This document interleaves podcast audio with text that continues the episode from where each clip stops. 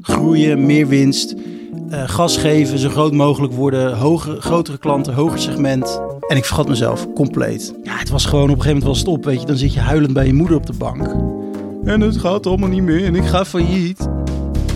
Welkom bij Ondernemerslust, een podcast van Nationale Nederlanden. Een gezonde onderneming is continu in beweging. Sterker nog, ondernemen is veranderen. Ik ben Harme en ik spreek met ondernemers over wat ze drijft en hoe ze, elk op hun eigen manier, omgaan met continue verandering. Want hoe zorg je ervoor dat je gezond blijft en jezelf niet voorbij loopt? Het is ook het stukje van jezelf steeds opnieuw uitvinden. Ook spreek ik met organisatiepsychologen en ondernemerscoaches. We analyseren de situaties en uitdagingen van de ondernemers en we geven praktische tips die je direct kunt gebruiken in jouw onderneming. Dus je zet voortdurend, ben je een soort Max Verstappen, en je zet voortdurend het gas op. En op enig moment is de tank leeg.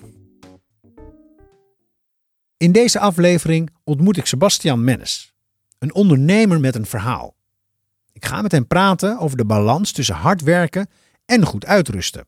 De work-life balance in mooi Nederlands. En dat die balans bij Sebastian niet altijd goed was, zullen we snel genoeg ontdekken. Maar eerst moet ik zijn voordeur vinden. Auto op slot, rugzak om. En dan wandel ik naar Sebastian. En dan doet Sebastian open. Hoi. En het eerste wat opvalt is zijn vrolijke oogopslag. Mijn witte Nike's trekken onmiddellijk zijn aandacht. Hallo, goedemorgen. Goedemorgen. Ja. Zal ik mijn schoenen uitdoen? Ja, heel graag. Ja, dan doe ik dat. Tof, tof, tof. Wat mooie ouderwetse patta's. Wat zeg je? Ouderwetse patta's heb jij. Hoe vind je ze? Ja, ik vind ze heel, uh, heel netjes. Dit doet mij uh, denken aan mijn basisschooljeugd. Dat ik buiten krantjes voor de voetbalclub rond ging brengen, heel het jaar door, om die te kunnen kopen. Dit soort uh, patta's? Ja, ja, ja, zeker. En dit is Sebastian ten voeten uit. Makkelijke prater die snel associeert en ook meteen ons kennis laat maken met zijn ondernemingslust. Als hij als jong gozertje mooie schoenen zag, patta's zo gezegd, dan gaat hij meteen werken om geld te verdienen om die patta's te kunnen kopen.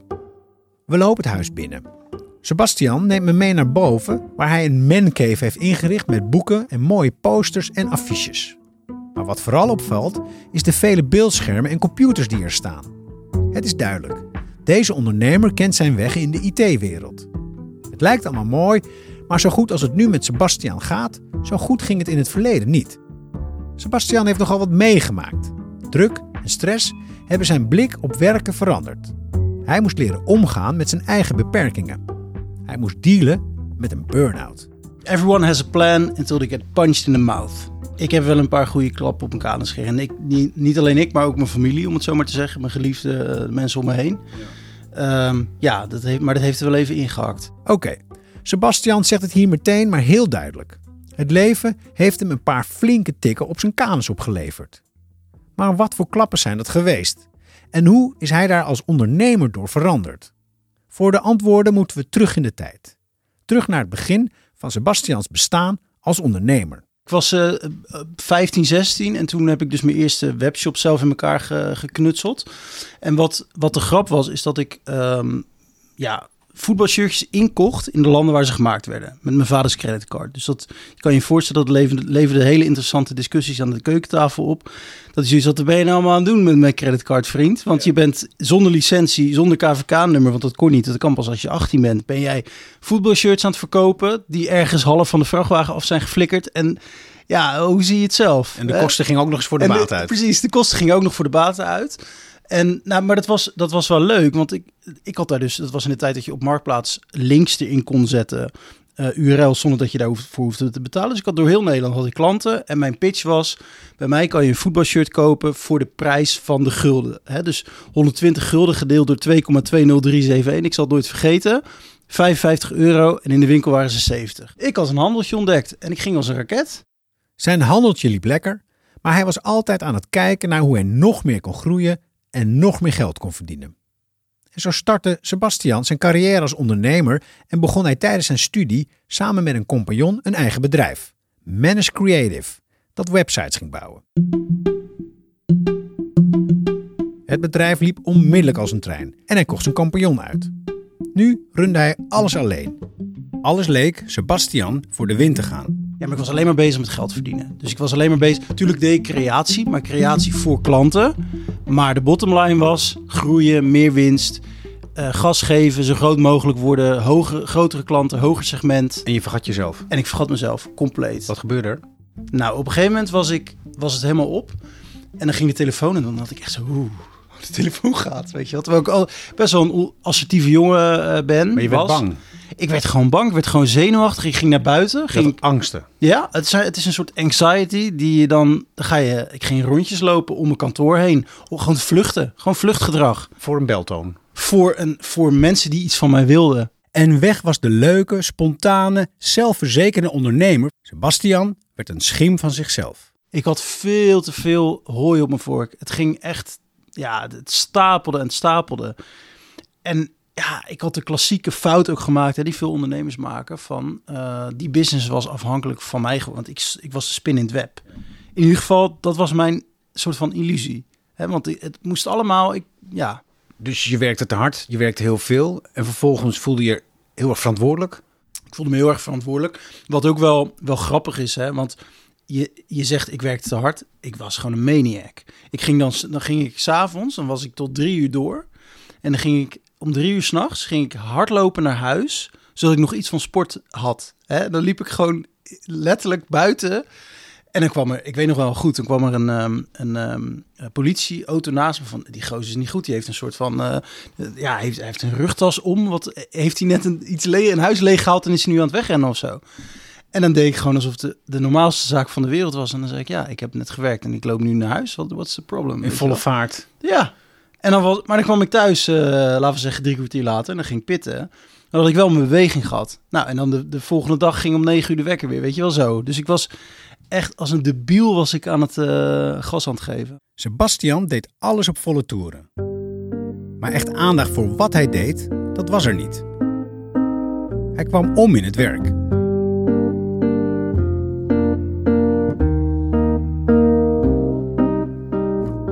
Jaap van den Broek is arbeidspsycholoog en loopbaancoach.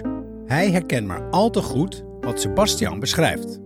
Rennen als een kip zonder kop achter het geld aan en de opdrachten. Maar ondertussen geen aandacht schenken aan zichzelf. En ook niet aan de opdrachten die al hebt liggen. Twee keer fout. Voor dit soort gevallen heeft Jaap een mooie metafoor paraat. De metafoor van de scheepstimmerman. En die scheepstimmerman, die zegt, joh, ik kan maar één ding tegelijk. En eh, dan staat er een rij mensen met allemaal stoelen. En dan zegt hij tegen die mensen, mensen, ik heb een ambacht en ik kan één stoel per dag maken. En als jij nou eh, over drie weken terugkomt, dan zal ik een dag voor je reserveren. Wat wij doen in kantooromgevingen en met mentale opdrachten. Ja, wij denken opdracht, leggen we neer, doen we aan, dat gaan we doen. En dan gaan we erover zitten piekeren. Want dan hebben we een huis vol met stoelen. En we denken, Jezus, hoe krijgen we al die stoelen gerepareerd op tijd? Want morgen staan die mensen op de deur en die denken dat de stoel klaar is. En dan heb je dus je hoofd vol met stress. Want dan heb je dus het probleem van de ander op jouw bordje gelegd. En zo heb je zoveel op je bord dat je uiteindelijk niks meer voor elkaar krijgt. En dan loop je kans op een burn-out. Het is heftig. Het is een hele heftige ervaring met een verlies van totale controle over je eigen bestaan. Ik hoor mensen vaak zeggen, het scherm sloeg op zwart. En voor die tijd zag ik wel een beetje bibberen, maar ik dacht ik, ach flauwekul, het gaat wel over. Maar plotseling viel de stroom eruit, ik zag helemaal niks meer. Er gebeurde van alles om me heen, maar het kwam niet binnen. En schrik niet, TNO heeft uitgerekend dat het 3,1 miljard per jaar kost. En op het ogenblik, het was in 2010 ongeveer 11% van de mensen die er last van had. In 2020 was het ongeveer 16% van de mensen.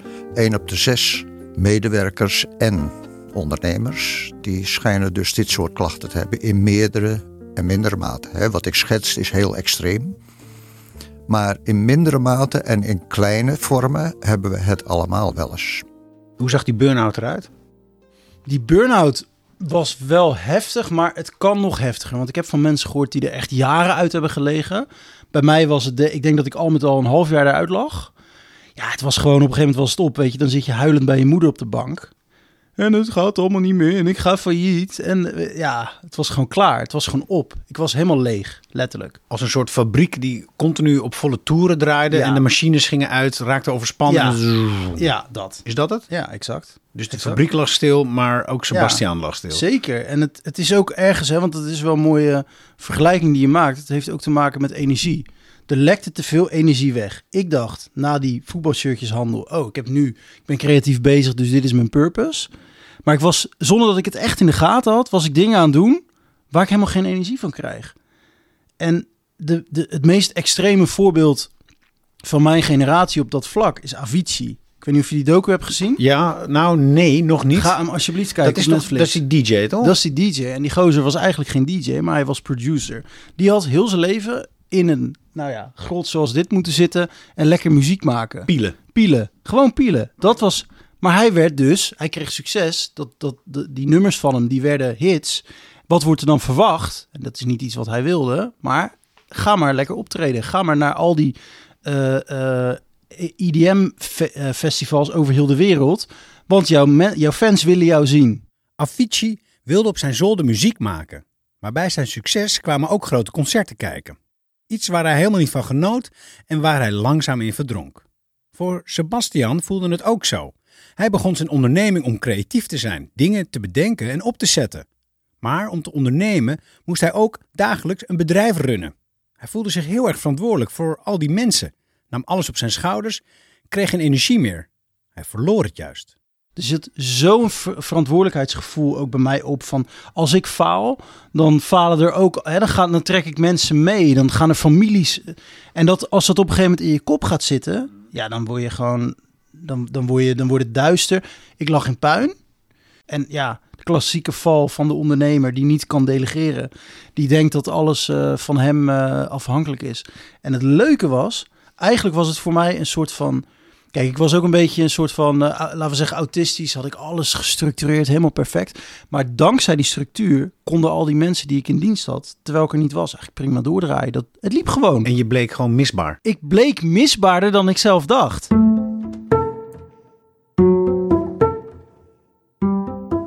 Sommige dingen zie je pas als het te laat is. En iemand die afstevend op een burn-out wil dan ook niet altijd luisteren naar andere mensen. En terwijl je bezig bent met racen en steeds harder je inzetten, sta je niet open voor iemand die zegt: joh, als jij zo doorrace, gaat jouw tank leeg. Zijn nou flauwekul. En ik noem dan vaak het voorbeeld van iemand die aan het zwemmen is naar, eh, naar Engeland. Dat deden ze vroeger wel eens, hè. Eh, met een bootje erachter en dan smeren ze zich in met vet.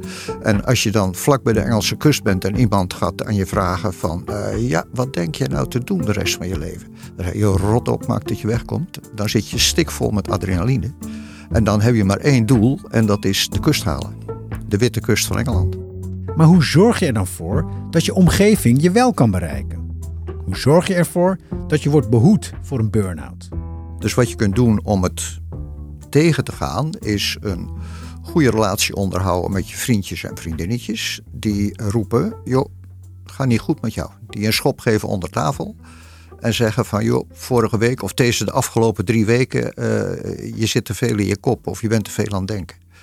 Dus laat mensen signalen geven. Doe dat in een heel vroeg stadium, want voorkomen is beter dan genezen. En genezen duurt gemiddeld een maand of acht. En er zijn nog meer mogelijkheden voor ondernemers, zoals Sebastian, om te voorkomen dat het scherm op zwart gaat. Wij hebben jarenlang cursussen gedaan met Aikido, een vorm van judo, waarin twee dingen van belang zijn. Eén is weet wat jij wil en sta van daaruit open voor wat een ander wil. Hè, dus zorg dat die interactie dat dat blijft stromen. En trek je niet terug in jezelf, maar verlies je ook niet in die ander. Als je verliefd bent, dan ben je de sigaar. En op weg naar burn-out zijn is ook een soort verliefdheid op je eigen prestaties of op wat je denkt dat anderen willen. Dus daarom is dat mindfulness eigenlijk helemaal niet zo'n gek idee om af en toe even bij jezelf stil te staan. Alleen blijf dat doen is de grote kunst, ook als je in interactie met anderen bent.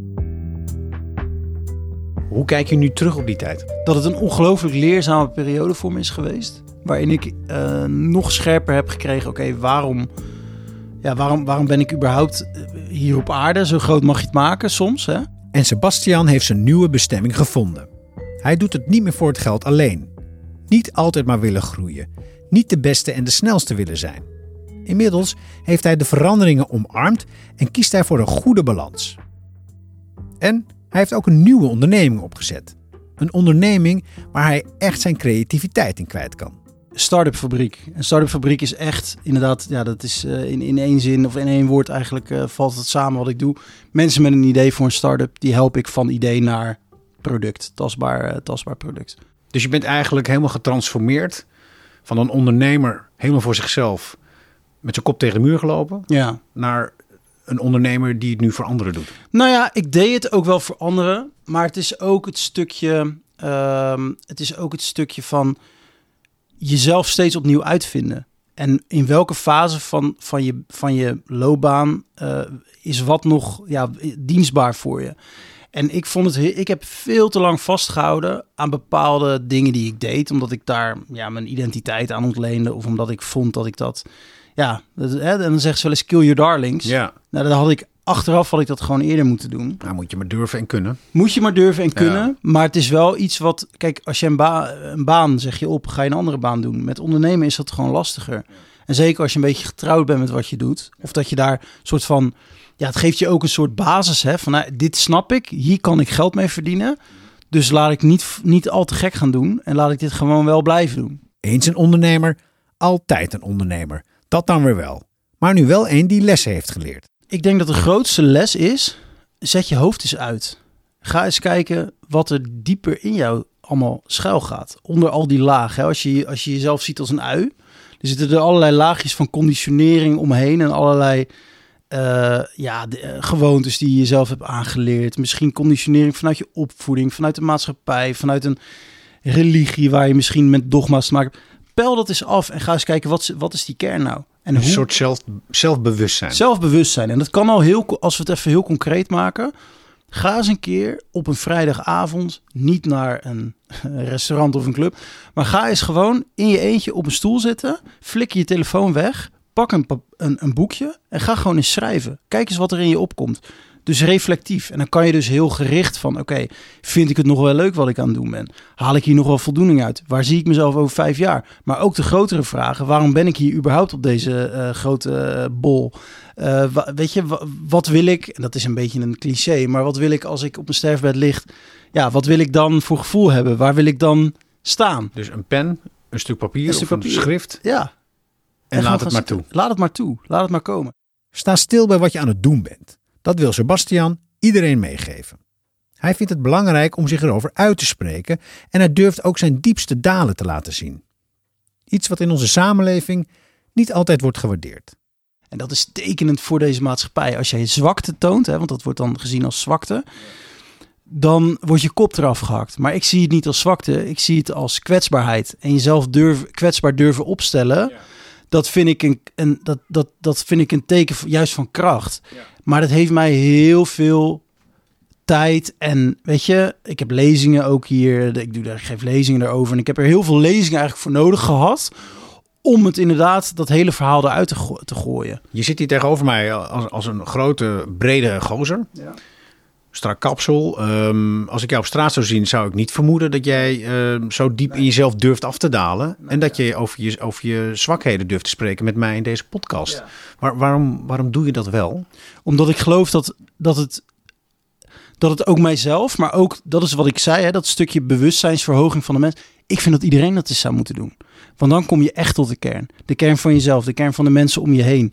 Um, en doe het dan voordat je, zoals jij, tegen de muur ja, gelopen bent. want ik ben keihard tegen de lamp gelopen zelf. Ik heb dingen meegemaakt. Ja, die kan ik moeilijk uh, iemand de schuld van geven of zo. Of een schuld van zoeken. Maar ik denk dat we inderdaad ook onze kinderen daar ja, wat, wat meer moeten meegeven. Van, als een kind huilt, dan is het al heel snel... Ah, nee, uh, je hoeft niet te huilen, joh. Je hoeft niet te huilen. Laat het kind gewoon wel eens een keer janken. Laat hem eens wel het allemaal eruit gooien. De emoties mogen er zijn. En dat is iets wat in deze maatschappij, waarvan ik echt vind dat we daar met z'n allen um, ja, wat, wat, wat meer ruimte voor moeten zouden, zouden geven. En dan wordt het al snel heel zweverig van, oh, volg je hart. Nee, je hoeft daar geen, je hoeft niet op een kleedje te gaan zitten en met, met een, met, weet je, dat hoeft helemaal niet. Je kan gewoon in een podcast. Je kan gewoon in een podcast, nee, maar je kan gewoon inderdaad ja. durf te voelen. En durf, ja, en durf je hart ook te volgen daarin. Je hoorde het verhaal van Sebastian. Wil je meer van dit soort verhalen horen en lezen? Of wil je weten hoe Nationale Nederlanden jou als ondernemer support biedt? Kijk dan op nn.nl/slash ondernemerslust.